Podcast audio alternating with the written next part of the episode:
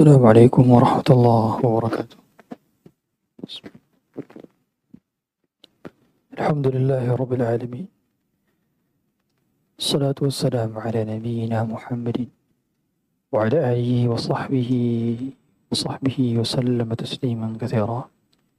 أشهد أن لا إله إلا الله وحده لا شريك له وأشهد أن محمدا عبده ورسوله صفيه من خلقه وخليله. أدى الأمانة وبلغ الرسالة ونصح للأمة.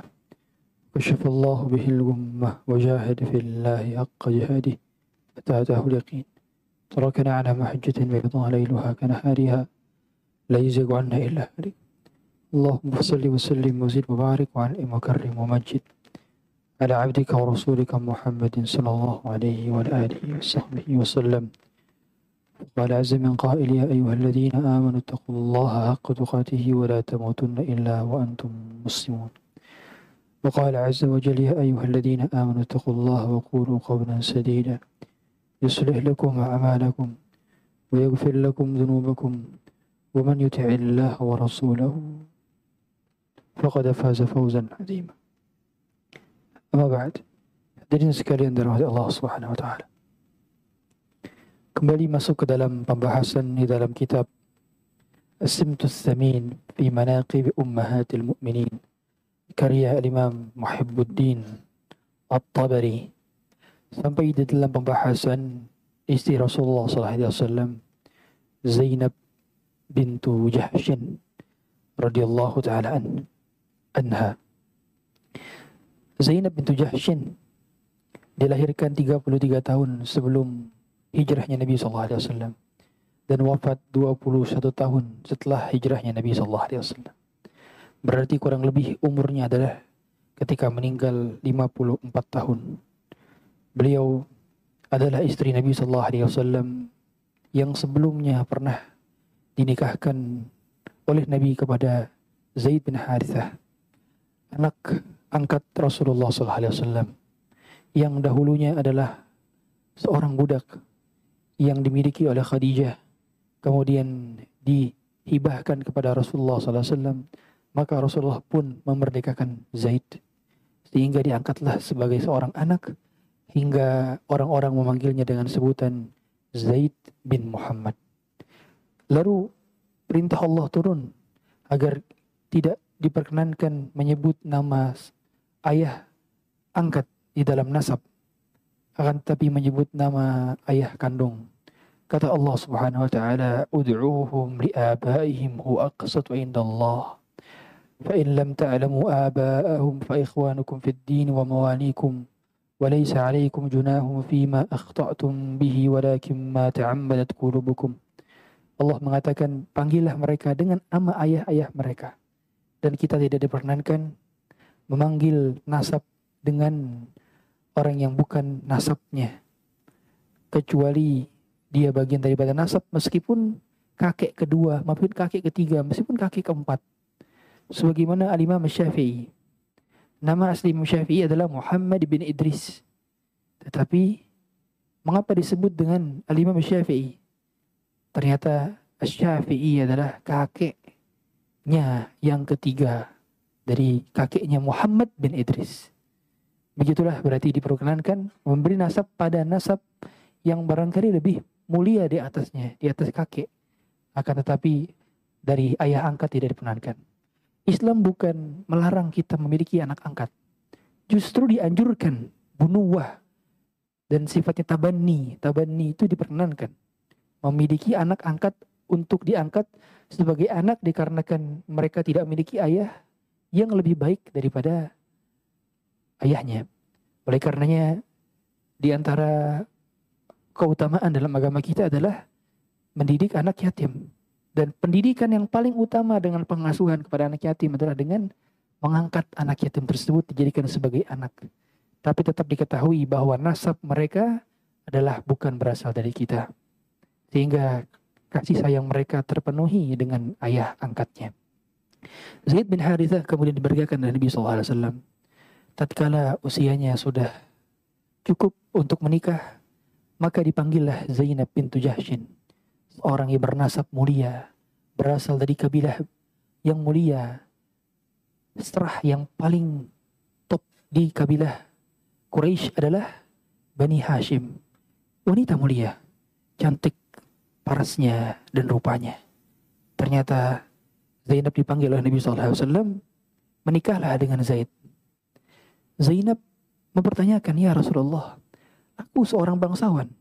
Zaid adalah mantan budak." Maka kemudian turunlah firman Allah seketika, وَمَا كَانَ kana وَلَا مُؤْمِنَةٍ إِذَا قَدَ mu'minatin وَرَسُولُهُ أَمْرًا أَنْ wa rasuluhu amran مِنْ أَمْرِهِمْ amrihim."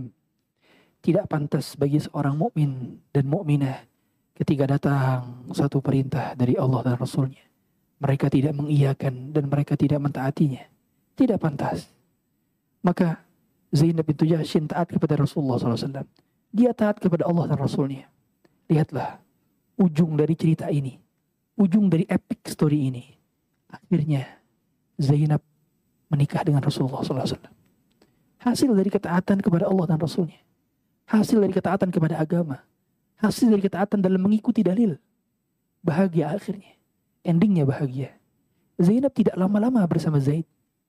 Allah faham karena memang mereka tidak sekufu. Tapi ending yang dimiliki oleh Zainab adalah menikah dengan Nabi SAW. Menjadi istri dari Nabi SAW. Istri manusia terbaik sepanjang peradaban manusia. Istri di dunia dan istri di surga. Ternyata Rasulullah SAW ketika menginginkan Zainab menikah dengan Zaid untuk membongkar daripada tradisi-tradisi jahiliyah bahwa bangsawan tidak boleh menikahi mantan budak. Rasulullah ingin menyama, menyatakan bahwa setiap di antara kita kedudukannya sama di hadapan Allah. Kaya, miskin, tua, muda. Mereka semua sama di kedudukan di sisi Allah Subhanahu wa taala. Bukankah Allah mengatakan inna akramakum indallahi atqakum. Yang paling mulia di antara kita adalah yang paling bertakwa. Dan takwa itu tidak dilihat dari jubahnya. Takwa tidak dilihat dari pecinya. Takwa tidak dilihat dari sarungnya Taqwa hahuna. At-taqwa hahuna. Taqwa itu di sini kata Nabi SAW dalam hati. Dan itulah yang menjadikan Rasulullah SAW menyuruh Zaid menikah dengan Zainab hingga Zainab menerima pindangan daripada Zaid bin Harithah. Tak lama berselang pernikahannya ternyata Allah buat menjadi ada, ada konflik dalam rumah tangga Zaid. Berarti orang soleh dan orang solehah tidak menjamin rumah tangganya tidak ada masalah. Bukan berarti Anda ketika memilih pasangan yang soleh sekali atau soleha sekali, berarti tidak ada permasalahan dalam rumah tangga Anda. Tidak. Siapa yang lebih soleh dibandingkan Zaid? Siapa yang lebih soleha dibandingkan Zainab? Zainab bahkan mendapatkan pujian daripada Rasulullah SAW dengan sebutan Awah. Diberi gelar Awah. Sebagaimana Nabi SAW katakan kepada Umar bin Khattab, Inna Zainab bintu Jahsh. Sesungguhnya Zainab bintu Jahshin la'awahun. Dia adalah seorang yang awah. Wa ma awahu ya Rasulullah. Awah itu apa ya Rasulullah? Sebagaimana perkataan Allah Subhanahu wa taala, Inna Ibrahim lahalimun awahum munib. Awah artinya pengiba. Al-khashi' al-mutadarri' Orang yang selalu tunduk, taat, khusyuk, Tawadhu. Begitulah Zainab bintu Jahshin. Siapa yang lebih mulia dibandingkan Zainab bintu Jahshin? Ternyata dalam rumah tangga dua insan ini yang soleh dan soleha masih ada permasalahan dalam rumah tangga mereka. Bahkan satu-satunya sahabat yang disebut namanya secara eksplisit dalam Quran adalah Zaid. Umar tidak disebutkan namanya dalam Quran. Abu Bakar tidak disebutkan namanya dalam Quran. Ali tidak disebutkan namanya dalam Quran. Utsman tidak disebutkan namanya dalam Quran. Siapa yang disebutkan nama sahabat? Tidak ada. Kecuali Zaid disebutkan secara eksplisit. فلما قضى زيد منها وطرا زوجناكها لكي لا يكون على المؤمنين حرج في أزواج أدعيائهم إذا قضوا منهن وطرا وكان أمر الله مفعولا Begitu kata Allah dalam surah Al-Ahzab. sehingga menunjukkan dua insan ini dua insan mulia. Tapi mengapa ada percekcokan dalam rumah tangga? Maka kita yang bukan sahabat Nabi, kita bukan pula Nabi, bukan istri-istri Nabi. Lalu atas dasar apa kita menginginkan bahwa rumah tangga kita berjalan begitu mulus tanpa ada permasalahan dalamnya? Bukankah permasalahan itu yang menjadikan bumbu-bumbu dalam rumah tangga. Rasanya hambar ketika tidak ada hal yang menjadikan kita lebih dekat. Bukankah hal demikian berarti Allah menginginkan kepala kepada kita, pahala kepada kita? Dan Allah Subhanahu wa taala tentu mencintai seorang hamba yang diberi cobaan. Cobaan dari hartanya dan dari keluarganya. Memang keluarga adalah titik daripada cobaan kita. Bukankah seorang itu akan diuji berdasarkan yang paling dia cintai? Kalau kita mencintai istri kita, maka ujian berada di sana. Kita mencintai anak kita, maka ujiannya di sana. Maka cintailah sewajarnya. Begitu pula benci sewajarnya.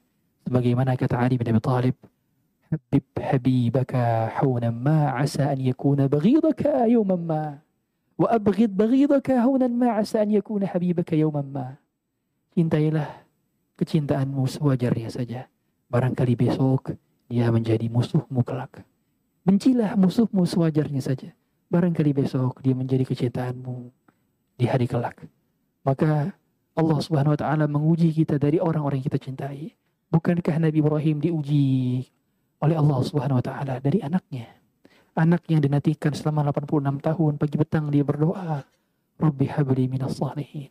Ternyata ketika lahir dipisahkan anaknya dari Syam ke Mekah. Sudah besar ternyata Allah perintahkan untuk membunuhnya. Sudah besar Allah perintahkan kembali untuk membangun Ka'bah. Berarti memang pondasi kita, kita harus yakin bahwa kecintaan kita adalah ujian terberat kita. Dan ujian terberat kita umumnya dari orang yang kita cintai. Hadirin sekalian terhadap Allah SWT. Maka berlalulah kisah cinta daripada Zaid dan Zainab. Zaid melaporkan kepada Rasulullah SAW tentang permasalahan rumah tangganya. Maka Rasulullah SAW yang sudah tahu bahwa beliau nantinya akan Allah nikahkan dengan Zainab. Rasulullah sudah tahu.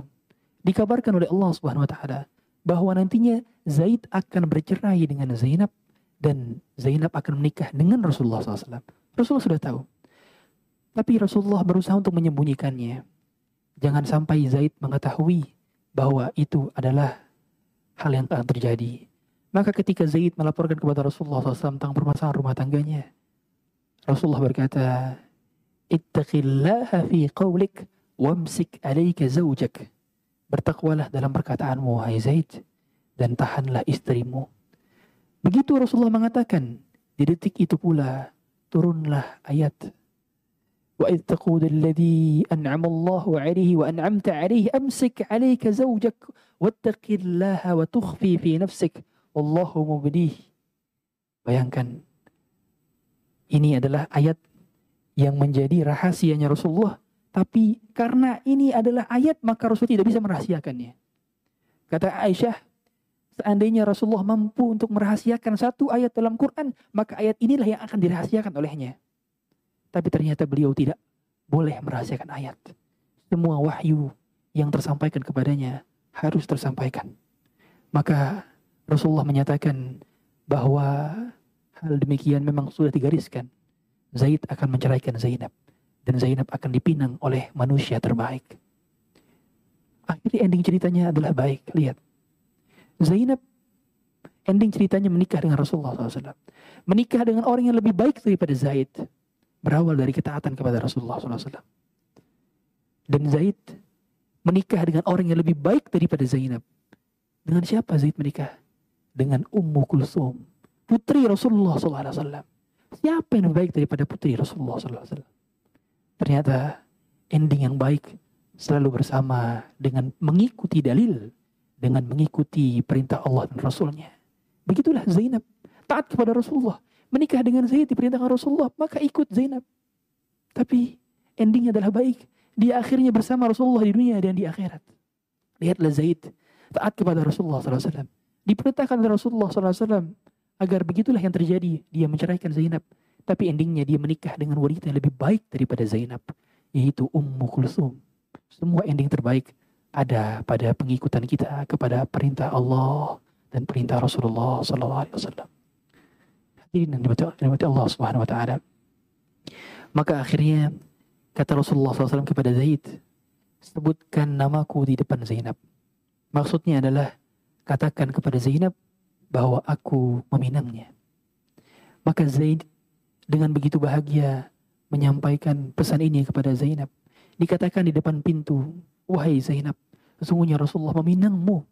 Setelah masa iddah yang habis daripada Zainab, maka Rasulullah pun meminang daripada Zainab. Kemudian Zainab pintu Jahsh berkata kepada Zaid, wahai Zaid, aku tidak bisa memutuskannya sekarang. Aku akan menuju tempat sholatku. Dia sholat di sana dengan begitu khusyuk dia sholat. Kemudian tiba-tiba turun perintah dari Allah Subhanahu wa taala. Falamma qada Zaidun minha wa tara. Ketika Zaid telah selesai urusannya dengan Zainab, masa idahnya telah berakhir. Dia tidak bisa kembali rujuk kembali karena sudah selesai masa idahnya. Telah berpisah secara sah. Zawwajnakaha. Kami nikahkan engkau wahai Muhammad dengannya. Berarti yang menikahkan Zainab dengan Rasulullah SAW adalah Allah sebagai walinya. Walinya Zainab adalah zat yang amat tinggi. Walinya Zainab adalah zat yang amat mulia. Walinya Zainab adalah pencipta alam semesta. Yaitu Rabbul Alamin. Rabbul Izzati wal Jalalah. Allah subhanahu wa ta'ala yang menikahkan langsung Rasulullah dengan Zainab. Oleh karenanya di antara privilege yang dimiliki oleh Zainab ketika dia berkumpul dengan para istri Nabi SAW. Mereka umumnya sering menceritakan apa yang menjadi privilege mereka di hadapan istri-istri lainnya. Zainab mengatakan kepada istri-istri Rasulullah lainnya, Zawwajukun aba'ukun wa min fawqi sab'i samawat. Kalau kalian dinikahkan, wali-walinya adalah ayah-ayah kalian. Adapun aku yang menikahkanku adalah Allah dari atas langit ketujuh. Berarti menunjukkan ada faedah di sini bahwa Allah Subhanahu wa taala bersemayam di atas arsy. Allah Subhanahu wa taala tidak bertempat di mana-mana sebagaimana keyakinan orang-orang yang tersesat. Allah Subhanahu wa taala berada di atas arsy. Allah mustawin 'alal arsy. Begitu pula yang dikatakan oleh Zainab Zawwajanillah min fawqi sab'i samawat. Allah menikahkanku dari atas langit ketujuh yang menunjukkan bahwa Zainab berbangga dengan keadaannya dan inilah yang menjadikan dia mulia di sisi Allah Subhanahu wa taala. Zainab bintu Jahshin menikah dengan Rasulullah SAW dan menjadi istri dunia dan akhirat. Di antara kelebihan dari Zainab bintu Jahshin adalah beliau adalah seorang yang sangat-sangat tidak mau berkomentar terhadap hal yang tidak dia dengar terhadap hal yang tidak dia ketahui, terhadap hal yang tidak dia lihat. Begitu pula kisah ketika hadithatul hadithatul ifki menimpa istri Rasulullah Aisyah. Tatkala Aisyah berada dalam sebuah cobaan, difitnahnya dia telah berselingkuh dengan seorang sahabat pada saat beliau bersafar Kemudian Rasulullah bertanya kepada Zainab, "Ma ra'ait? Apa pendapatmu wahai Zainab?" Hal tara min? Apakah kau berpendapat satu hal? Maka kata Zainab, "Ya Rasulullah, uhmi sam'i wa basari." Aku menjaga pandanganku dan aku menjaga pendengaranku. Ma'alimtuha illa khairan. Aku tak mengenal dia kecuali sebagai pribadi yang baik-baik saja. Padahal Zainab punya potensi untuk menjatuhkan harga diri Aisyah. Karena Aisyah adalah orang yang paling dicintai oleh Rasulullah SAW. Bisa saja Zainab mengatakan, Aisyah dahulu begini, begini, begini, disebutkan sifat-sifat buruknya. Tapi tidak dilakukan Zainab. Zainab sengaja menyembunyikan hal-hal yang, yang beliau tidak tahu. Yang beliau ketahui adalah Aisyah adalah seorang wanita yang baik-baik.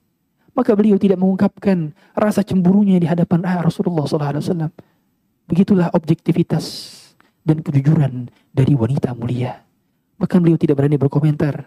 Dia paham bahwa untuk menjadi tinggi tidak perlu merendahkan yang lain. Untuk menjadi mulia tidak perlu menghinakan yang lain. Bukan kita tetap bisa tinggi tanpa menaiki orang-orang lainnya. Yang dilakukan Zainab, dia tetap tinggi menjulang tanpa harus merendahkan Aisyah. Oh, betapa bahagianya Rasulullah memiliki istri seperti Zainab dan Zainab memiliki suami seperti Rasulullah SAW. Maka Zainab bintu Jahshin dia tidak berkomentar dan akhirnya Allah tampakkanlah kemuliaan bahwa yang tidak berkomentar terhadap hal-hal yang tidak mereka ketahui akan selamat. Dan yang berkomentar, ada beberapa orang-orang munafik yang gembar-gembor memfitnah Aisyah telah berbuat zina dengan sahabat. Maka gembar-gembor tersebut menjadikan orang munafik berada dalam kehinaan dan semakin hina di mata Allah dan Rasulnya. Kemudian Zainab bintu Jahshin juga adalah seorang yang amat-amat dermawan. Begitulah memang suami apabila mendidik istrinya menjadi dermawan, maka istrinya pun akan dermawan. Kalau suaminya adalah suami yang dermawan, maka istrinya pun akan menjadi dermawan. Bukankah murid itu tergantung bagaimana cara guru? Bukankah murid itu melihat bagaimana praktek gurunya? Oleh karenanya kita tidak wajar, kita tidak tidak begitu tidak perlu heran ketika melihat bagaimana dermawannya Abu Bakar, bagaimana tegasnya Umar, bagaimana santunnya Utsman, bagaimana cerdasnya Ali. Karena yang mengajarkan kesantunan itu adalah Rasulullah, yang mengajarkan ketegasan itu adalah Rasulullah, yang mengajarkan kecerdasan itu adalah Rasulullah. Wajar muridnya cerdas, santun dan tegas karena gurunya pun memiliki sifat demikian. Karena memang buah tak jauh jatuhnya dari pohon. Hadirin dari Allah Subhanahu wa taala. Zainab sangatlah dermawan dan amatlah zuhud. Dibuktikan ketika Rasulullah telah meninggal dunia, maka yang mengcover kebutuhan-kebutuhan istri si Nabi sallallahu alaihi wasallam adalah para sahabat dan umumnya adalah Amirul Mukminin, Khalifah Rasulullah SAW. Di zaman Umar, ketika di ujung-ujung hayatnya, tak berdaya, tak punya passive income, barangkali kebutuhannya hanya hal-hal yang urgen saja, maka Amir Mukminin Umar Khattab memberikan hadiah kepada Zainab berupa 85 gram daripada 85 dinar, 85 dirham diberikan hadiah kepada Zainab oleh pembantunya Bazrah. Kemudian Zainab mengatakan, "Oh, semoga Allah ampuni Umar. Hadiah ini lebih tepat diberikan kepada saudaraku, saudaraku yang miskin lainnya. Aku tidak berhak menerima hadiah ini." Maka Zainab bintu Jahshin kemudian mengatakan ini hadiah untukmu saja. Semoga tahun depan jangan sampai Umar memberikan hadiah kepadaku lagi. Beliau mengatakan bahwa dunia yang diberikan Allah kepadanya sudah amat lebih cukup. Tidak lebih. Begitulah memang. Terkadang Allah sudah memberikan kenikmatan kepada kita begitu banyak. Tapi kita lah yang kurang bersyukur. Kita hanya butuh satu piring nasi untuk bisa hidup. Allah berikan lauk pauk yang begitu lengkap dengan berbagai macam hidangan. Kita hanya butuh segelas air dalam menghidupi kehidupan kita. Tapi Allah berikan macam minum, warna dan rasa. Kita hanya butuh satu kasur untuk tidur. Tapi Allah berikan ruang tamu, ruang keluarga, ruang dapur, ruang carport, gardening, dan seterusnya. Ini menunjukkan bahwa kenikmatan Allah begitu sempurna. Dan Allah memberikan kenikmatan yang selalu lebih dari apa yang kita butuhkan. Tapi seringnya kita mengeluh dengan kata-kata yang menunjukkan kita tidak bersyukur terhadap kenikmatannya. Maka hadirin, barangkali kenikmatan satu butir nasi bisa mengalahkan kenikmatan makanan-makanan mewah di luar sana. Karena yang membedakan kebahagiaan itu berada terletak dalam syukurnya. Dan orang sengsara karena kurang syukurnya. Hadirin sekalian Allah Subhanahu wa taala. Zainab juga terkenal dengan kedermawanannya di mana dahulu Aisyah pernah bertanya kepada Rasulullah SAW, Ya Rasulullah, siapa di antara kita yang pertama kali menyusul engkau ketika engkau meninggal dunia? Maka kata Rasulullah SAW, yang paling pertama menyusulku di antara kalian adalah atwalukunna yadan, yang paling panjang tangannya. Maka semua istri Nabi akhirnya mengukur tangan-tangan mereka. Mereka mengukur tangan-tangan mereka, siapa yang paling panjang di antara tangan-tangan mereka. Hingga akhirnya yang paling panjang adalah Saudah. Tapi ternyata yang meninggal selepas meninggalnya Nabi bukan Saudah. Tapi ternyata adalah Zainab. Maka mereka akhirnya paham bahwa yang dimaksud Rasulullah tangan panjang itu bukan panjang secara fisik dan ukuran. Tapi yang paling dermawan di antara mereka. Maka yang paling dermawan di antara mereka adalah Zainab bintu Jahshin. Dan ternyata Zainab bintu Jahshin adalah sosok yang amatlah rajin. Di antara isi-isi Nabi lainnya, Zainab lah yang memiliki pekerjaan sendiri. Zainab sering melakukan pekerjaan kalau bahasa kita apa pekerjaan tangan dan itu yang diriwayatkan oleh banyak riwayat bahwa Zainab memiliki keterampilan di bidang di bidang handicraft atau di bidang keterampilan tangan sehingga menunjukkan bahwa wanita tidak masalah berkarya. wanita memang memiliki kelebihan berupa kreativitas barangkali lebih daripada laki-laki. Wanita lebih memiliki ketelitian yang lebih jeli dibandingkan laki-laki. Wanita memang memiliki keutamaan dan tidak masalah mereka berkarya selama dengan batasan batasan syariat. Maka di antara itu kita harus paham bahwa Allah Subhanahu wa taala ketika memberikan syariat bukan mengurung kita, membatasi kita untuk bisa tidak bisa kita berkreativitas, tidak. Tetaplah berkreativitas tapi dengan batasan-batas syariat. Apa yang Allah larang, apa yang Rasul larang, maka tinggalkanlah. Karena ada hikmah di balik yang syariat larang dalam kehidupan ini. Hadirin sekalian dirahmati Allah Subhanahu wa taala. Zainab bintu Jahshin merupakan salah satu istri yang juga menjadi klannya daripada Aisyah. Jadi kita tahu semua sebagaimana kami sampaikan di pertemuan perempuan sebelumnya bahwa Aisyah itu klannya itu Zainab kemudian Safiyah, kemudian Hafsah, kemudian Saudah. Adapun klannya Ummu Salamah itu Juwairiyah, kemudian Ummu Habibah, kemudian Maimunah, nah itu klan-klan. Ada dua klan dan Zainab termasuk dalam klannya Aisyah. Ini menunjukkan bahwa mereka saling berlomba-lomba untuk menjadi istri terbaik. Bajar. Kalau kita perhatikan semuanya berlomba menjadi istri terbaik dan Rasulullah SAW amatlah adil kepada mereka. Sehingga kalau kita perhatikan bagaimana rumah tangga Rasulullah SAW bersama istri-istrinya pun tidak luput dari naik turun, dari ups and down, dari back and forth. Ada selalu saja yang menjadi permasalahan di dalam rumah tangga Rasulullah SAW. Tapi itu menjadikan pelajaran bagi kita semua bahwa memang sebaik-baik keteladanan dalam menjalani setiap problematika rumah tangga adalah junjungan Nabi Wasallam. Bagaimana beliau merespon istri-istrinya ketika piring di rumahnya pecah. Bagaimana beliau merespon istri-istrinya ketika Hafsah berkata kepada Sofiyah, Ya bintal Yahud, wahai wanita Yahudi. Bagaimana respon Rasulullah SAW ketika menyikapi Sofiyah yang amat membenci Rasulullah tapi berubah menjadi cinta. Bagaimana Rasulullah merespon Zainab yang sebelumnya dinikahkan oleh Rasulullah SAW kepada Zaid, tapi kemudian Rasulullah menikah dengan Zainab. Di antara faedah mengapa Rasulullah SAW menikah dengan Zainab? Pertama, tradisi jahiliyah mengatakan bahwa anak angkat itu seperti anak kandung. Sehingga Rasulullah SAW diperintahkan untuk menghilangkan tradisi jahiliyah tersebut bahwa anak angkat bukanlah seperti anak kandung. Rasulullah sebelumnya khawatir, takut dikatakan oleh orang-orang munafik, digembusi oleh orang munafik. Tuh lihat saja si Muhammad, dia menikah dengan seorang wanita mantan anak angkatnya sendiri. Maka Allah Subhanahu wa taala berkehendak lain. Berarti ada kemuliaan yang dimiliki oleh Zainab berkat wasilahnya, wasilah daripada Zainab.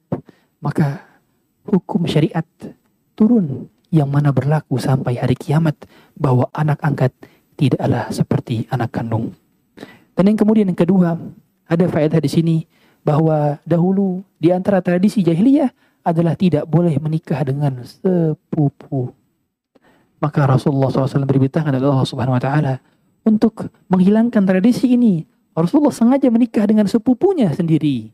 Ini menunjukkan bahwa menikah dengan sepupu bukanlah sebuah keharaman Berarti memang dari pernikahan Rasulullah dengan istri-istrinya bukan hawa nafsu yang dikedepankan. Bukan ego saja yang dikedepankan. Atau barangkali bukan sekedar cinta. Karena kalau kita menikah atas dasar cinta, orang kafir pun menikah atas dasar cinta. Dan cinta itu pada dasarnya adalah sebuah gift, pemberian dari Allah Subhanahu wa taala. Bukan kita yang mengusahakannya, tapi Allah yang memberikannya. Maka menikah bukan atas dasar cinta, menikah karena Allah, menikah karena Allah yang perintahkan menikah karena semata-mata tujuan akhirnya adalah menyempurnakan agama, menikah dengan ketentuan dan keinginan agar menuju surga bersama-sama. Carilah partner hidup yang menempuh kehidupan dunia ini dengan agama, dengan syariat Allah Subhanahu wa taala. Begitulah Zainab bintu Jashin hidup bersama Rasulullah SAW dengan rumah tangga yang bahagia, bahagia dunia sampai ke surga. Oleh karenanya hadirin sekalian, tujuan dari pernikahan bukan hanya rumah tangga di dunia, tapi rumah tangga di surga. Kita harus bangun kembali rumah di surga. Rumah di dunia, mungkin kontrak setahun dua tahun, mungkin hanya kita tempati beberapa tahun, 10 tahun, 20 tahun, 30 tahun. Bukankah orang tua kita baru punya rumah umumnya di usia-usia mereka sudah tua? Apakah jarang sekali kita dapati orang-orang tua kita memiliki rumah di usia puluhan, 20 eh, tahun, 15 tahun. Dan mereka meninggal di usia 60 tahun. Berarti rata-rata manusia itu umumnya menempati rumah miliknya sendiri 20 tahun, 30 tahun paling lama. Sebentar. Maka milikilah rumah di surga rumah yang abadi, rumah yang tidak kita dengar kebisingan, rumah yang tidak kita dengar suara-suara yang rendahan, yang menjelekkan diri-diri kita. Maka Zainab bin Jahsyin hidup bersama Rasulullah SAW dalam kebahagiaan dan itu hikmah daripada pernikahan Zainab dengan Zaid kemudian Zainab menikah dengan Rasulullah SAW. Hadirin dirahmati Allah Subhanahu Wa Taala. Zainab bin Jahsyin pada dasarnya adalah seorang yang mulia di kalangan Quraisy dan memang menjadi primadonanya Quraisy. Kalau kita perhatikan ras yang paling utama di alam semesta ini adalah ras Quraisy. Islam bukan orang Islam bukan pemahaman yang rasis, tapi Islam menduduki pada tempatnya. Oleh karena memang dalam agama Islam ada kafaah. Ada kafaah. Menikah dengan syarif, syarifah, menikah dengan keturunan Nabi SAW kalau orangnya awal, orangnya bukan bagian daripada uh, bagian daripada keturunan Nabi Wasallam, maka secara hukum sah, secara hukum sah. Tapi para ulama membahas itu bukan suatu keafdalan. Dikarenakan umumnya ketika wanita secara strata pendidikan lebih tinggi dibandingkan laki-laki, wanita lebih kaya dibandingkan laki-laki, wanita lebih lebih memiliki hal-hal dunia lainnya dibandingkan laki-laki. Maka umumnya kalau wanita yang kurang bertakwa, maka dia akan mudah untuk merendahkan laki-laki. Oleh karena itu, sebagian ulama tidak menganjurkan untuk menikah dengan yang tidak sekufu. Maka sebaik-baik pilihan dalam rumah tangga adalah Anda menikah dengan sekufu. Apa itu sekufu? Sekufu yang paling utama adalah sekufu dalam perkara agama. Sehingga sekufu dalam perkara dunia itu terakhir. Tapi sekufu dalam perkara agama itulah yang diutamakan. Oleh karenanya Rasulullah SAW ketika menikahkan Zaid dengan Zainab, barangkali tidak sekufu dari sisi dunia. Zainab bangsawan, sedangkan Zaid mantan budak. Tetapi mereka sekufu dalam sisi agama. Zainab adalah orang yang awah dan Zaid adalah kecintaannya Rasulullah SAW. Hibbun Nabi SAW. Anaknya Zaid, hibbu hubbin Nabi SAW. Kecintaan Nabi adalah Zaid bin Harithah. Dan kecintaan dari kecintaannya Nabi adalah Usama bin Zaid. Anak dari Ummu Kulsum. Dan itu hasil daripada pernikahan Ummu Kulsum dengan Zaid bin Harithah. Sehingga endingnya selalu baik bagi orang yang taat kepada Allah dan Rasulnya. Meskipun mereka tidak sekufu dari sisi dunia, tapi mereka sekufu dari sisi agama. Sehingga yang diutamakan bagi orang-orang yang bertakwa adalah mereka dan siogianya mencari hal yang utama. Saya sering kali berpertanyaan Ustaz. Ketika Rasulullah SAW mengatakan, La tunkahul mar'atu illa li arba' tunkahul mar'ah di arba'in. Wanita itu dinikahkan dengan empat hal. Li jamaliha, li hasabiha, atau li nasabiha, li irdiha, li diniha, fadfar bidatid din taribat yadak. Dinikahkan dengan empat hal. Yaitu kecantikannya, lima lihat hartanya, li nasabiha, nasabnya, li diniha, dan agamanya. Fadfar bidatid din taribat yadak. Mengapa Rasulullah meletakkan li diniha di terakhir kali? Mengapa?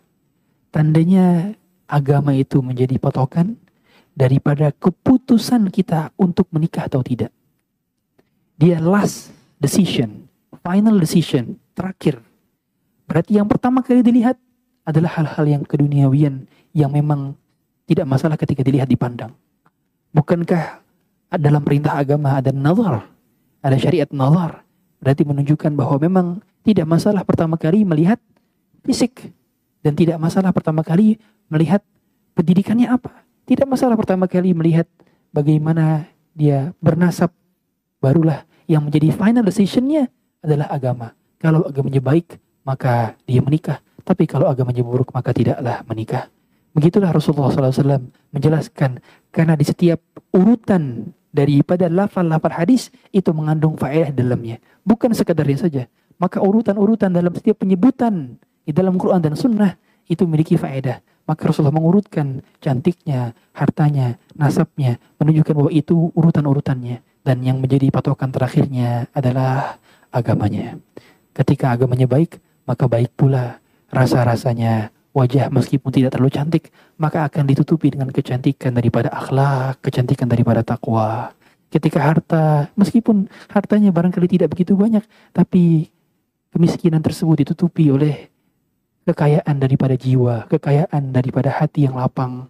Barangkali nasabnya tidak tinggi-tinggi sekali, bukan dari kalangan bangsawan, bukan raden, bukan syarifah, bukan bukan orang-orang yang memiliki keturunan yang tinggi, tapi bisa ditutupi oleh ketinggian akhlak, ketinggian jiwa, dan ketinggian sifat dan karakter.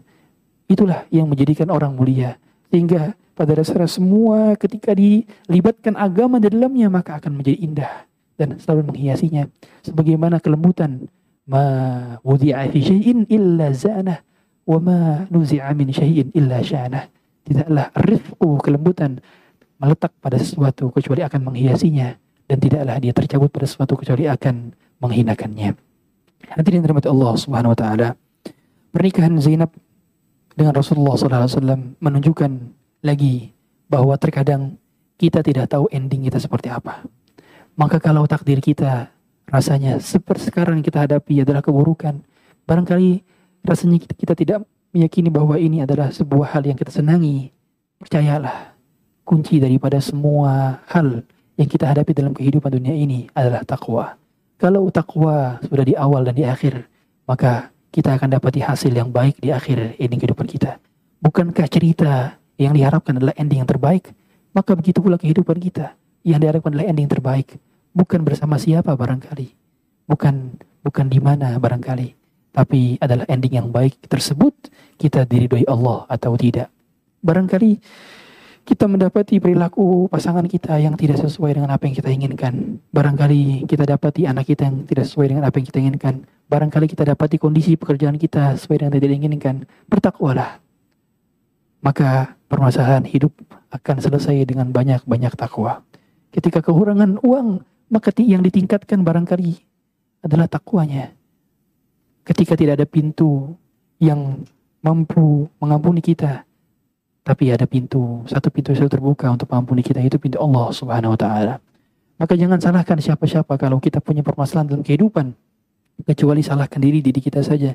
Dikarenakan umumnya himpitan kehidupan, itu disebabkan karena dosa dan dosa. Hadirin sekalian terhormat Allah Subhanahu wa taala. Kehidupan Zainab bintu Jahshin juga menjadi patokan dalam kehidupan kita bahwa apa yang ditakdirkan seringnya itu di luar ekspektasi kita, di luar daripada yang kita bayangkan. Tentu kita mengharapkan A, tapi Allah berikan B. Kita mengharapkan C, tapi Allah berikan D. Terkadang kita ingin berlayar ke arah utara, tapi angin bertiup ke arah selatan. Terkadang kita ingin jalan ke timur, tapi Allah beri jalan ke barat. Selalu saja ada hal yang tidak diinginkan. Dan memang demikian. Karena Allah selalu memberikan apa yang kita butuhkan dibandingkan apa yang kita inginkan. Karena yang barangkali yang manusia inginkan umumnya adalah hal-hal yang justru buruk untuknya. Bukankah Allah Subhanahu wa taala mengatakan Asa an tuhibbu syai'an wa huwa syarrul lakum wa asa takrahu syai'an wa huwa khairul lakum. Barangkali yang kamu anggap baik itu buruk untukmu. Barangkali yang kamu anggap buruk itu justru baik untukmu. Hadirin yang Allah Subhanahu wa taala. Di antara hikmah yang juga menjadi kisah daripada Zainab bintu Jahsyin dengan Rasul dengan dengan dengan Rasulullah SAW bersama istri-istrinya bahwa hasad itu adalah sumber dari petaka. Lihatlah Zainab Beliau sama sekali tidak hasad kepada Aisyah. Aisyah yang paling dicintai oleh Rasulullah SAW. Ketika ditanya tentang hadithatul ifki, Zainab mampu saja untuk menjelaskan bahwa Aisyah itu begini dan begini, tapi dia menutupinya. Iya, semua di antara kita punya aib. Tapi siapa yang disibukkan dengan aibnya sendiri, maka dialah orang yang bahagia. Dan orang yang merugi adalah yang disibukkan dengan aib-aib orang lain. Semua punya aib, semua punya aib. Seandainya kita dibongkar aib-aib kita, maka tidak ada yang mau duduk bersama kita. Bukankah Muhammad bin Wasi mengatakan, "Lau kana li dhunubir rih ma jalasa ahadun." Seandainya dosa itu memiliki bau, niscaya tidak ada yang mau duduk bersamaku. Maka jangan sibuk dengan aib orang lain. Aib tidak ada habisnya. Jangan-jangan disibukkan dengan isu, tren yang selalu berganti setiap hari-harinya. Hari ini isu ini, besok isu berganti. Tapi komentar kita tetap tercatat. Opini kita tercatat. Analisa kita tercatat. Di, di catatan kebaikan atau di catatan keburukan. Maka Allah katakan wala taqfu ma laysa laka bihi ilmun inna as-sam'a wal basara wal fu'ada kullu ulaika kana anhu mas'ula. Jangan kita mendahulukan apa yang tidak kita ketahui. Begitu pula yang dikatakan oleh Zainab bintu Jahshin, uh, uh, uhmi sam'i wa basari. Aku selalu melindungi penglihatanku dan pandanganku. Sehingga akhirnya Zainab bintu Jahshin terbebas juga dari mengikuti fitnah. Zainab bintu Jahshin juga adalah istri Nabi SAW yang ikut di beberapa perang. Yang pertama adalah perang Taif. Yang kedua adalah perang Khaybar.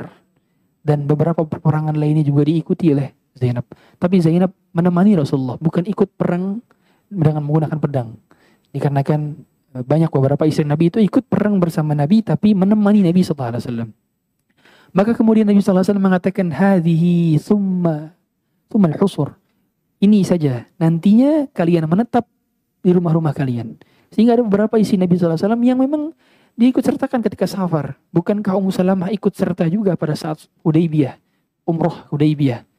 Tapi kemudian tidak sempat umroh karena terhalang di Hudaybiyah. Dan itu hasil dari undian. Dikarenakan kalau kita punya banyak istri, maka ketika safar bisa diundi istri-istri yang belum pernah ikut safar. Dan juga pada saat itu akhirnya Zainab tidak keluar lagi meskipun haji. Jadi pada haji tahun ke-10 Zainab tidak ikut haji bersama Saudah dikarenakan taat kepada perintah Rasulullah SAW. Setelah ini jangan keluar lagi. Berarti menunjukkan bahwa fitrahnya wanita memang di rumahnya. Allah ketika menyuruh wanita di rumah bukan berarti untuk menghinakan, tapi untuk memuliakan.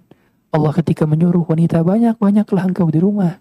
Karena wanita ketika keluar rumah dihiasi oleh syaitan, Innal mar'ata idza kharajat istashrafaha syaitan. Perempuan kalau keluar rumah maka dibuat hias diri-dirinya dengan parfum-parfum yang membuat pria-pria akhirnya membuat syahwat pria-pria. Wanita ketika keluar rumah akhirnya berlenggak-lenggok, bersolak-solek yang menjadikan fitnah berada di luar rumahnya. Maka Allah Subhanahu wa taala menginginkan agar tidak banyak fitnah di luar rumah, maka wanita banyaklah di rumah. Oleh karena itu, di antara yang taat kepada sabda Rasulullah SAW adalah Zainab dan Saudah. Mereka tidak pergi haji pada saat Rasulullah SAW pergi haji. Hingga menunjukkan bahwa mereka adalah istri yang taat kepada suami. Memang taat kepada suami bukanlah perkara yang mudah. Dahulu saya sempat bertanya-tanya, mengapa wanita itu masuk surganya mudah? Hanya sholat lima waktu, hanya puasa Ramadan, menjaga kemaluan, dan taat kepada suami. Empat hal saja. Diberikan surga dari pintu mana saja yang diinginkan. Tapi ternyata yang terakhir adalah sulit. Taat kepada suami adalah perkara yang paling menyulitkan bagi para wanita. Betapa banyak wanita membantah suaminya, tidak taat kepada suaminya. Sulit berkata, iya mas, sulit berkata demikian. Sulit berkata, iya sayang, sulit berkata demikian. Tapi harus dikasih dibantah dengan opini A, opini B, opini C, opini D, baru ya iya. Terkadang butuh bantahan-bantahan dulu. Yang ini yang menyebabkan barangkali banyak wanita masuk ke dalam neraka. Oleh karenanya para wanita, surga Anda dekat sekali. Surga Anda berada di suami-suami Anda. Maka mintalah ridhonya dan surga Anda berada di sana. Hadirin sekalian terima Allah Subhanahu wa taala. Dan juga yang menjadi kemuliaan bagi Zainab banyak di antara hukum-hukum syariat akhirnya turun sebab cerita daripada Zainab bintu Jahshin. Yang ini menjadikan patokan daripada syariat. Beliau adalah sosok yang mulia dikarenakan penyebab syariat turunnya berdasarkan kisah daripada Zainab dan Zaid bin Harithah. Dan menunjukkan bahwa nama Zaid disebutkan dalam Al-Quran. Secara eksplisit menunjukkan bahwa Zaid adalah orang mulia juga. Karena di Quran itu tidak disebutkan kecuali orang paling baik atau orang paling buruk. Nama dalam Quran tidaklah disebutkan kecuali orang yang paling baik atau orang paling buruk. Orang paling baik Maryam disebutkan. Wanita paling baik sepanjang manusia, sepanjang peradaban manusia adalah Maryam disebutkan dalam Quran. Tapi orang paling buruk disebutkan juga dalam Quran yaitu Abu Lahab, Fir'aun, Haman disebutkan secara eksplisit dalam Quran dan para para nabi mereka namanya disebutkan dalam Al-Quran secara eksplisit menunjukkan bahwa mereka adalah orang-orang mulia pilihan Allah Subhanahu wa taala.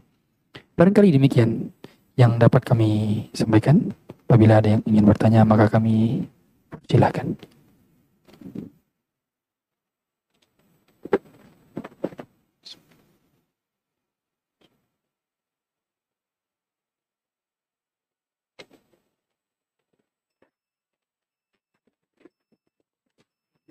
Baik, uh, baik kita lanjut salat isya terlebih dahulu.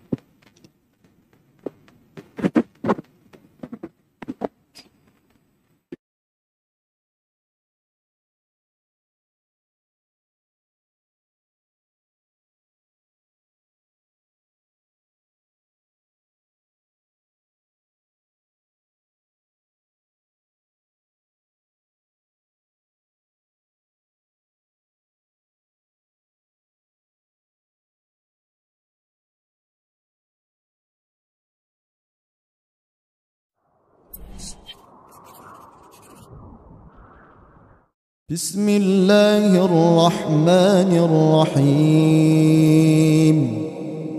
صاد.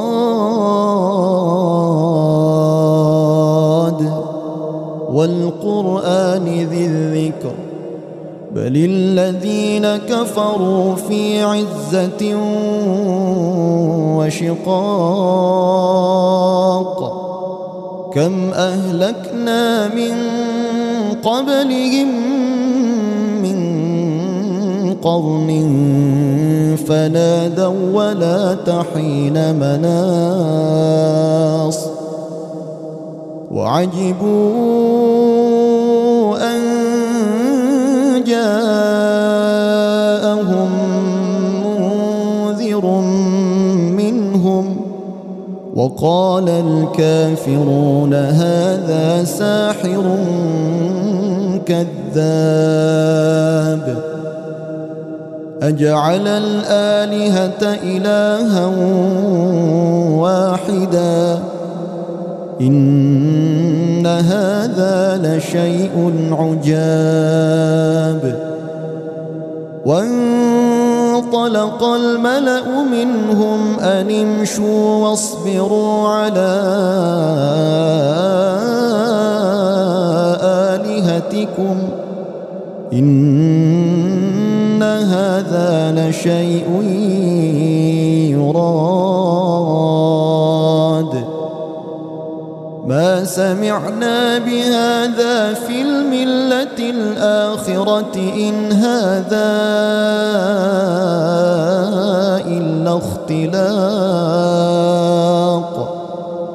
أأنزل عليه الذكر من بيننا. بل هم في شك من ذكري بل لما يذوقوا عذاب أم عندهم خزائن رحمة ربك العزيز الوهاب أم لهم ملك السماوات والأرض وما بينهما فليرتقوا في الأسباب جند ما هنالك مهزوم من الأحزاب كذبت قبلهم قوم نوح وعاد وفرعون ذو الأوتاد وثمود وقوم لوط وأصحاب الأيكة أولئك الأحزاب إن كل إلا كذب الرسل فحق عقاب وما ينظر هؤلاء إلا صيحة واحدة ما لها من فواق وقالوا ربنا عجل لنا قطنا قبل يوم الحساب. اصبر على ما يقولون واذكر عبدنا داود ذا الأيد إنه أواب.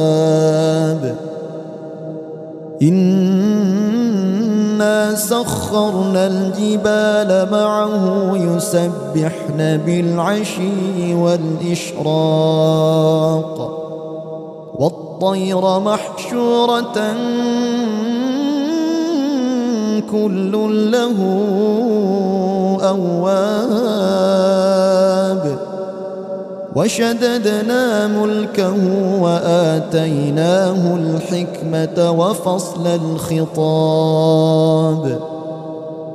وهل أتاك نبأ الخصم إذ تسوروا المحراب؟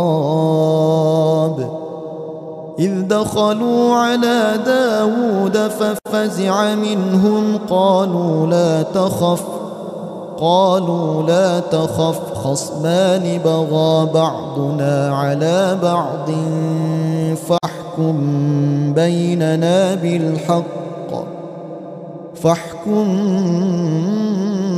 بيننا بالحق ولا تشطط واهدنا إلى سواء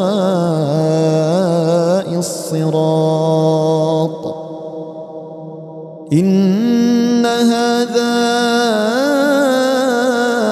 أخي له تسع وتسعون نعجة ولي نعجة واحدة ولي نعجة واحدة فقال أكفلنيها وعزني في الخطاب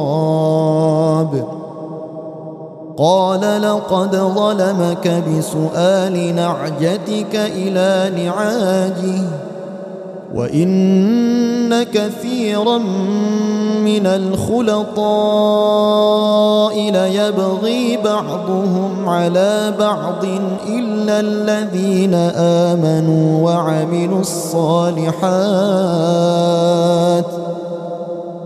إلا الذين آمنوا وعملوا الصالحات وقليل ما هم وظن داود أنما فتناه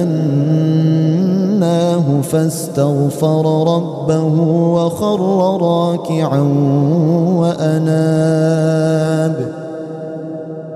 فغفرنا له ذلك وإن له عندنا لزلفى وحسن مآب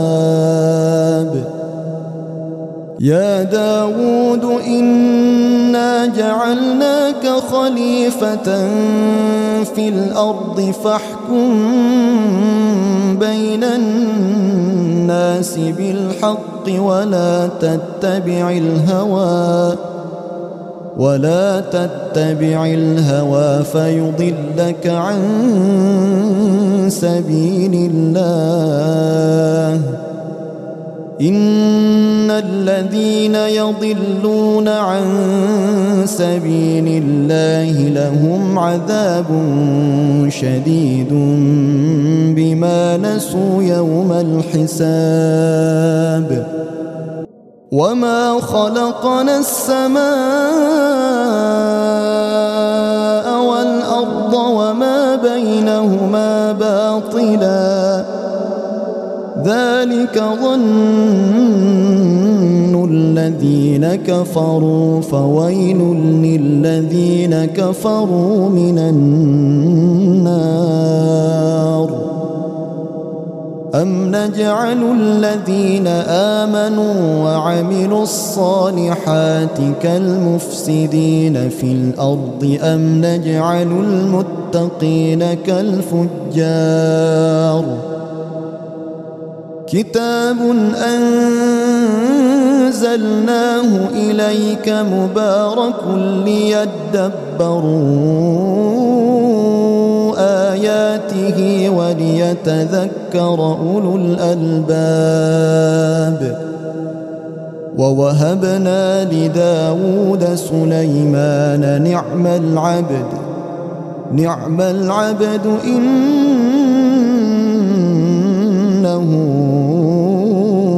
أواب. إذ عرض عليه بالعشي الصافنات الجياد فقال إني أحببت حب الخير عن ذكر ربي حتى توارت بالحجاب ردوها علي فطفق مسحا بالسوق والأعناق. ولقد فتنا سليمان وألقينا على كرسيه جسدا ثم أناب. قال رب اغفر لي وهب لي ملكا لا ينبغي لأحد بعدي إنك أنت الوهاب. فسخرنا له الريح تجري بأمره رخاء حيث أصاب. والشياطين كل بناء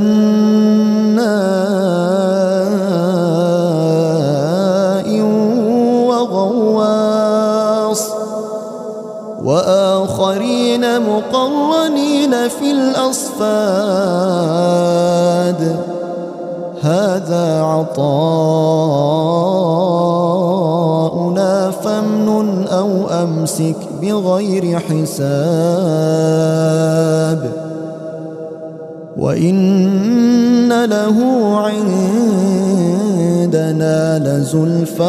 وحسن مآب. واذكر عبدنا أيوب إذ نادى ربه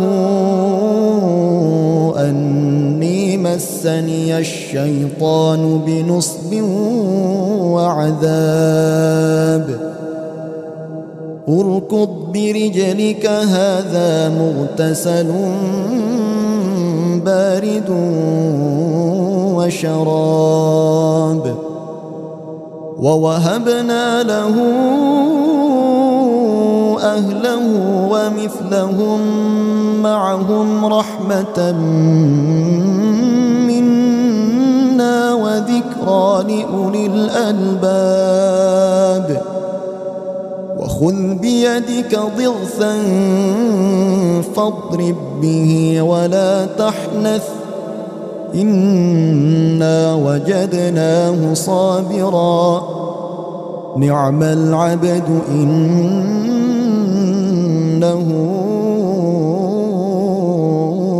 أواب. واذكر عبادنا إبراهيم وإسحاق ويعقوب أولي الأيدي والأبصار. إنا أخلصناهم بخالصة ذكر الدار. وإنهم عندنا لمن المصطفين الأخيار. واذكر إسماعيل واليسع وذا الكفل وكل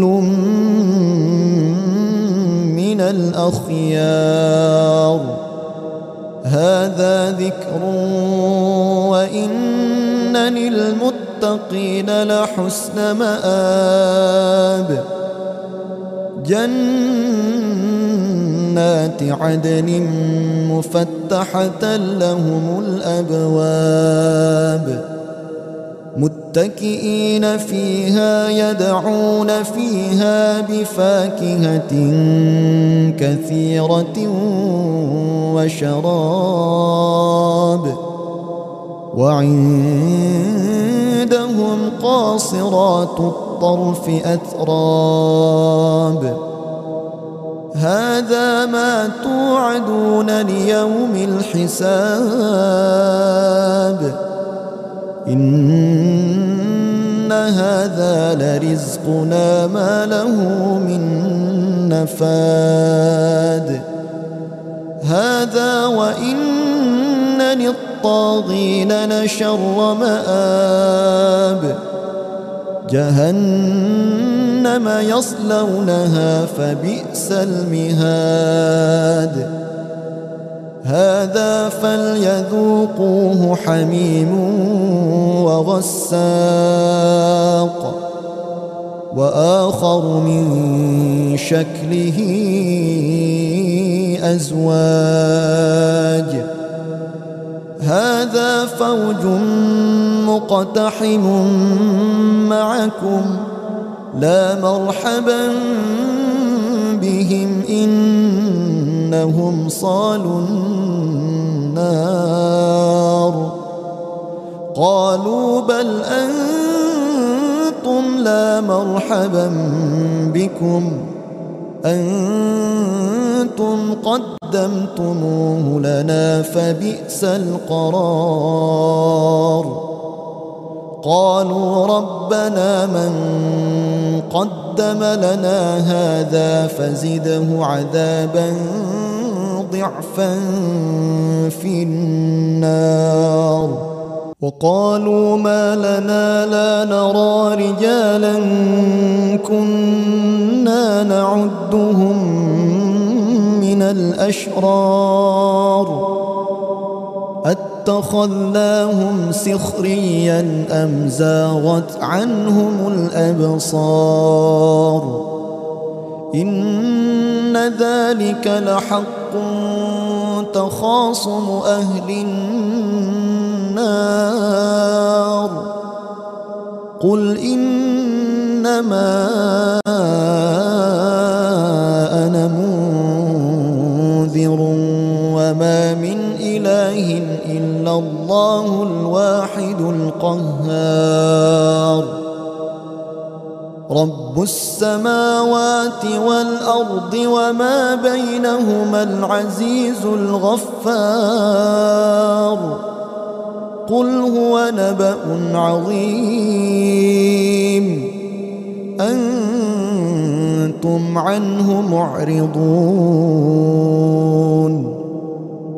ما كان لي من علم بالملأ الأعلى إذ يختصمون.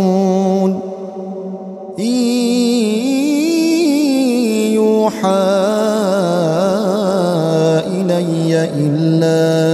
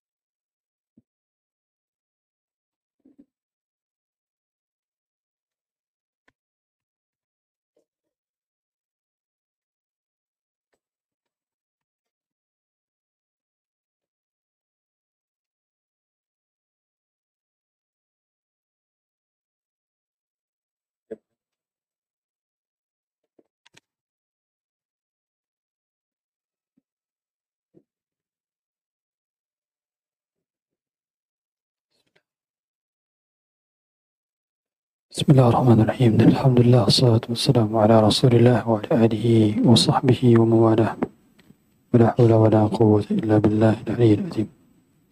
Hadirin sekalian dirahmati Allah Subhanahu wa taala. Di antara hal yang menjadi faedah bagi mempelajari karakteristik daripada istri-istri Nabi SAW adalah kita mengenal tentang karakteristik wanita di sekeliling Nabi SAW. Karena memang umumnya wanita karakternya tidak jauh berbeda dengan karakter daripada istri-istri Nabi SAW. Kita akan lihat berbagai macam problematika dalam rumah tangga Rasulullah SAW dan bagaimana Rasulullah menyikapi satu persatu di antara mereka semua. Dan ini menjadikan patokan bahwa sebetulnya tarikh yu'idu nafsahu. Sejarah itu akan mengulang dirinya. Yang berganti hanyalah peran saja. Yang berganti hanyalah tokohnya saja. Kalau dahulu ada Zainab bintu Jahshin, maka sekarang pasti ada Zainab-Zainab lainnya. Yang barangkali namanya berbeda, tapi mungkin kesabarannya seperti Zainab. Kemuliaannya seperti Zainab. Ketawakalannya seperti Zainab. Kesyukurannya seperti Zainab. Kalau dulu ada Zaid bin Harithah, barangkali sekarang ada Zaid-Zaid lainnya, orang yang tidak terpandang. Tapi dia memiliki kemuliaan di sisi Allah Subhanahu wa taala sehingga dinikahkan dengan wanita yang amat-amat mulia. Maka janganlah takut kalau memang kita tidak memiliki panduan dan pedoman hidup maka panduan pedoman hidup itu datangnya dari zaman dan generasi terbaik yaitu generasi Rasulullah SAW. Al-Quran Sunnah sesuai dengan pemahaman para sahabat dan sahabat itulah contoh daripada pengaplikasian dari Al-Quran dan Sunnah. Maka kalau memiliki permasalahan yang sama, sebelum kita mencari solusi di zaman sekarang, maka carilah solusi bagaimana dahulu bersa para sahabat menyelesaikan permasalahan yang serupa. Karena masalahnya sama saja. Hanya saja yang berbeda adalah orangnya dan perannya. Sebagaimana tadi kami katakan, kisah-kisah itu pada dasarnya mengulang cerita kembali dirinya. Maka kalau kita mau cari pelajaran yang paling baik, pelajaran yang paling baik itu ada pada sejarah. Pelajaran paling baik itu ada pada sirah Nabawiyah. Pelajaran paling baik itu ada sirah tentang sahabat Nabi, sirah tentang istri-istri Nabi. Dikarenakan kisah itu adalah sepertiga dari Quran, maka Quran berarti menceritakan tentang sebuah kisah Berarti ada pelajaran yang harus diambil dari kisah-kisah yang dipelajari. Barangkali demikian mungkin kita lanjutkan dengan sesi tanya jawab. Bismillah.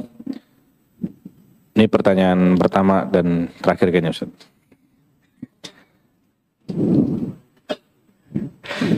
Assalamualaikum warahmatullahi wabarakatuh.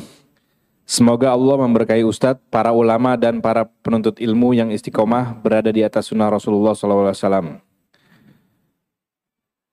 Karena ingin bertanya, seorang lelaki menikahi perempuan yang dia hamili sebelum menikah di suatu waktu, dia gundah dengan status pernikahannya hingga akhirnya dia mencoba mencari ilmu terkait kegundahannya.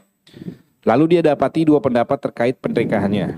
Yang pertama, pernikahan sah dan anak dinisbatkan ke ibunya. Yang kedua, pernikahan harus diulang dan anak tetap dinisbatkan ke ibunya. Lalu dia beristihad dengan pilihan nomor satu, hingga akhirnya memiliki anak kedua dari istri tersebut. Ketika usia anak keduanya berusia sekitar dua tahun, timbul kembali kegundahan akan pilihan nomor satu itu. Hingga akhirnya dia merasa pilihan nomor dua lebih tepat, sehingga akhirnya dia mengulangi akad nikahnya. Saat ini dia menyesali kebodohannya terdahulu dalam ilmu agama dan mulai sering hadir di majelis ilmu. Pertanyaannya, bagaimana pandangan syariat terkait kejadian ini? Yang kedua, bagaimana hukum status anak keduanya? Mohon doakan agar laki ini istiqomah di dalam majelis ilmu. Assalamualaikum warahmatullahi wabarakatuh. Assalamualaikum warahmatullahi wabarakatuh. Mengenai menikah dengan pria yang menzinahinya, memang ada khilaf di kalangan para ulama apakah sah atau tidak. Yang jelas kalau bagi kami pribadi pendapat yang kami cenderung kepadanya bahwa pernikahan kepada pria yang dahulu menzinahinya itu sah dalam kondisi hamil. Yang tidak sah adalah ketika dinikahkan kepada orang lain ketika kondisi hamil. Dikarenakan masa iddahnya wanita adalah hatta tad'ana hamlahun sampai melahirkan. Berarti kalau dinikahkan dengan pria lain maka tunggu dia melahirkan. Kalau dinikahkan dengan pria yang menghamilinya, pria yang menzinahinya, maka tidak perlu tunggu sampai lahir. Karena meskipun dia telah menikah dengan dengan uh, orang yang menzinahinya, tetaplah nasabnya tidak kepada bapaknya atau bapak biologisnya, tapi tetap kepada ibunya. Akan tetapi secara status pernikahan sah. Adapun anak kedua dan seterusnya maka dinasabkan kepada bapaknya.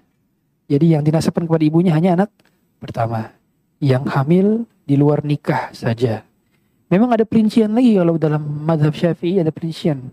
Usia kandungannya enam, uh, kalau kalau jarak antara pernikahan sahnya tersebut kepada melahirkannya itu adalah enam bulan, ya, usia enam bulan, enam bulan lebih, berarti masih bisa nasabkan kepada bapaknya. Tapi kalau kurang tidak bisa. Tapi kami cenderung kepada pendapat yang mengatakan berapapun usia pernikahan maka tidak dinasabkan kepada bapak tapi dinasabkan kepada ibu dikarenakan hamilnya adalah di luar nikah. Adapun mengapa perempuan yang sedang hamil tadi tidak boleh nikahkan kepada pria lain? Tidak dikhawatirkan ada kerancuan dari segi nasab ketika pembuahan. Itulah yang menjadikan tidak bolehnya wanita hamil itu menikah dengan laki-laki lain kecuali tadi orang yang menghamilinya saja. Dan perlu diperhatikan juga, memang dalam kondisi semacam ini, kita harus paham yang kita nikahi adalah orang-orang yang memang mereka bertakwa. Sehingga saran saya kalau seandainya ada ada seorang pria yang menghamili Anda wahai wanita.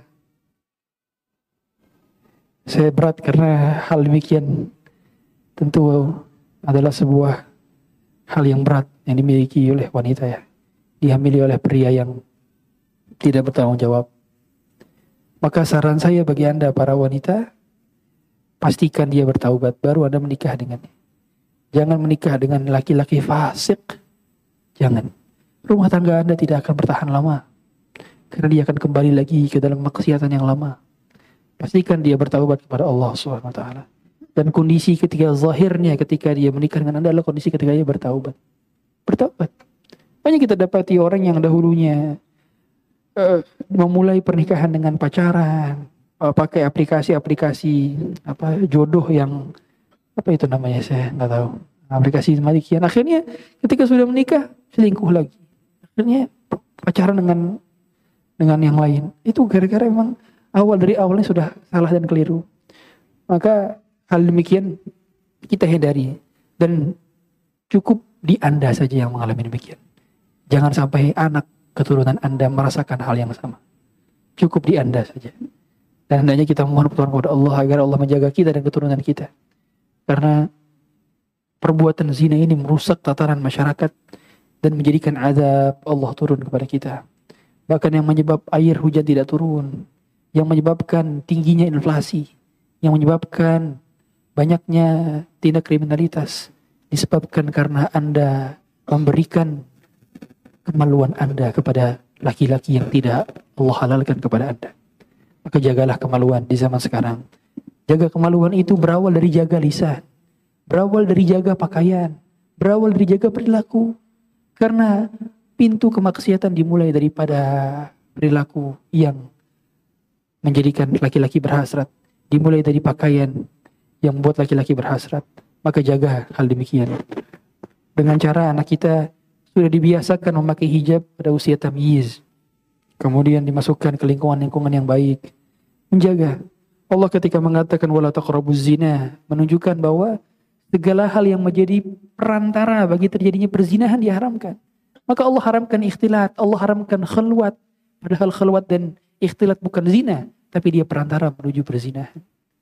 Maka juga hati-hati para ikhwan, ikhwan di sini yang sudah sudah ngaji, yang belum ngaji, yang Ngaji udah bertahun-tahun, hati-hati jangan sampai bermudah-mudahan dalam chat bersama akhwat. Hati-hati fitnah dimulai dari sekedarnya saja, sekedarnya saja. Kalau ada perlu saudara saja, bertakwalah kepada Allah. Dikarenakan memang fitnah umat Rasulullah SAW dari mana? Dari wanitanya. Likulli ummatin fitnatun wa fitnatu ummati al-mal. Dan juga fitnahnya umat Rasulullah adalah harta. Fitnah umat Rasulullah adalah harta dan juga wanita. Kata Rasulullah SAW, Ma taraktu fitnatan hiya asyaddu ala rijali minan nisa. Tidak aku tinggalkan fitnah di antara kalian yang paling berat atas laki-laki kecuali fitnahnya para wanita. Maka wanita juga kalau chat bersama laki-laki, kalau ngobrol bersama laki-laki, sewajarnya dan harus dengan nada tegas, tidak boleh dengan nada mendayu-dayu. Bertakwalah kepada Allah. Karena yang bertakwa dalam menjaga pandangan, menundukkan pandangan Allah akan memberikan cahaya. Makanya mengapa surat An-Nur itu surat An-Nur yang artinya cahaya, ayat tentang cahaya Allah Subhanahu wa taala yang Allah jelaskan di dalam tengah-tengah surat itu Allah tutup setelah sebelumnya membicarakan tentang ayat ghaddul basar. Kalau kita perhatikan Allah menyuruh dahulu para lelaki wa qulil mu'minina yaghuddu yaghuddu min absarihim wa yahfadhu furujahum. Katakanlah kepada laki-laki agar mereka menundukkan pandangan yang menjaga kemaluan mereka. Katakanlah kepada perempuan agar mereka menundukkan pandangan dan menjaga kemaluan mereka. Baru Allah tutup. Allah tutup dengan cahaya bahwa masalu nurihi kamishkatin fiha misbah al-misbah dan seterusnya. Itu ayat tentang cahaya itu setelah ayat tentang ghudul basar. Kata Imam Ibnu Qayyim tandanya orang yang bisa menjaga pandangannya Allah akan berikan cahaya. Dan kata Ustadz kami terdahulu dia mengatakan orang yang mau diberikan cahaya di dalam hatinya dan pandangannya maka merekalah orang yang menjaga pandangannya. Dan orang yang mau menjadi wali di zaman sekarang orang yang menjadi wali di zaman sekarang adalah orang-orang yang menjaga pandangannya. Itu yang menjadi wali. Orang yang menjadi wali bukan yang bisa terbang bisa jalan di atas air. Wali-wali adalah yang mampu menjaga pandangan di zaman sekarang. Maka tundukkan pandangan kepada orang yang bukan mahram supaya tidak terjadi perzinahan yang sama. Adapun jawaban yang tadi sudah kami sampaikan di awal. Allahu a'lam Ustaz, ada lagi satu Ustaz. Wah nambah lagi, silakan. Assalamualaikum Ustaz. Adakah wanita di zaman ini yang sifatnya mirip seperti Zainab binti Jash? Dan bagaimana tips untuk mendekati perempuan ini Ustaz? Karena saya merupakan manusia introvert. Terima kasih Ustaz. Wanita seperti Zainab binti Yashin barangkali tidak Anda temui nama-namanya di sosial media. Barangkali wajahnya terpampang di feed-feed dan story. Barangkali tidak Anda temui di Reels, Reels dan TikTok. Barangkali tidak Anda temukan di training-training di X. Tidak akan temukan. Karena wanita-wanita seperti Zainab bintu Jahshin adalah wanita-wanita yang paham perintah Allah dan Rasulnya. Allah katakan waqarna fi buyutikun. Diamlah di rumahmu. Diam di rumah bukan diam secara fisik di rumah tapi jari berkeliaran dan foto berseliweran di sosial media. Diam di rumah adalah diam secara fisik, lahir dan batin. Diam di rumah secara jari dan lisan. Itu diam di rumah. Yang menunjukkan bahwa mereka yang menjadi ingin wanita solehah adalah mereka yang tersembunyi. Tersembunyi layaknya butiran mutiara yang berada dalam cangkangnya. Anda tidak akan bisa mendapatkannya kecuali harus menyelam ke kedalaman lautan. Banyak effort yang dibutuhkan untuk mendapatkan wanita-wanita semacam ini. Wanita-wanita semacam ini banyak Anda dapati di misalnya tempat-tempat yang baik tentunya. Tidak akan Anda dapati ya, di tempat-tempat yang keramaian, yang campur aduk ikhtilat. Tidak akan Anda dapati. Maka daripada sibuk mencari, lebih baik sibuk menjadi. Jadilah mereka. Jangan tahu usah Anda mencari. Jadilah mereka. Kita diperintahkan untuk tidak perlu mengenal wajah-wajah. Kita tidak tahu bagaimana wajah Aisyah. Kita tidak tahu bagaimana wajahnya Abu Bakar, wajahnya Umar, wajahnya Utsman, wajah Ali, wajah Zainab, wajah Aisyah. Kita nggak tahu wajah-wajah mereka seperti apa. Tapi yang Allah sebutkan, yang Rasulullah sebutkan adalah nama-nama mereka. Karena yang terpenting bukan wajahnya seperti apa, tapi perilakunya seperti apa. Itu yang dicontohkan Rasulullah SAW. Banyak nabi juga tidak terkenal. Bukankah Allah mengatakan Allah menceritakan sebagian di antara mereka wa minhum man lam naqsusum ada sebagian yang juga tidak Allah ceritakan. wa rusulan qad khasasnahum 'alaika min qabl wa rusulan lam ada nabi-nabi yang terkenal dan nabi-nabi yang tidak terkenal. Yang tidak terkenal bukan berarti tidak lebih mulia dibanding tidak mulia dibandingkan yang terkenal. Barangkali yang tidak terkenal lebih mulia dibandingkan yang terkenal. Oleh karena itu patokan daripada kemuliaan agama kita bukan yang dikenal di bumi tapi yang dikenal di langit. Begitulah Rasulullah mengatakan Irhamu man fil ardi yarhamkum fis sama. Sayangilah di bumi, maka yang di langit akan menyayangi kalian. Demikian mungkin dapat kami sampaikan. Dengar lagi bang? Habis Alhamdulillah. Ditutup sesi curhat pada kesempatan hari ini. Kita tutup dengan kafaratul majlis. Subhanakallahumma Asyhadu la ilaha illa anta astaghfiruka wa atubu. Sallallahu nabiyina Muhammadin wa alihi wasallam. Assalamualaikum warahmatullahi wabarakatuh.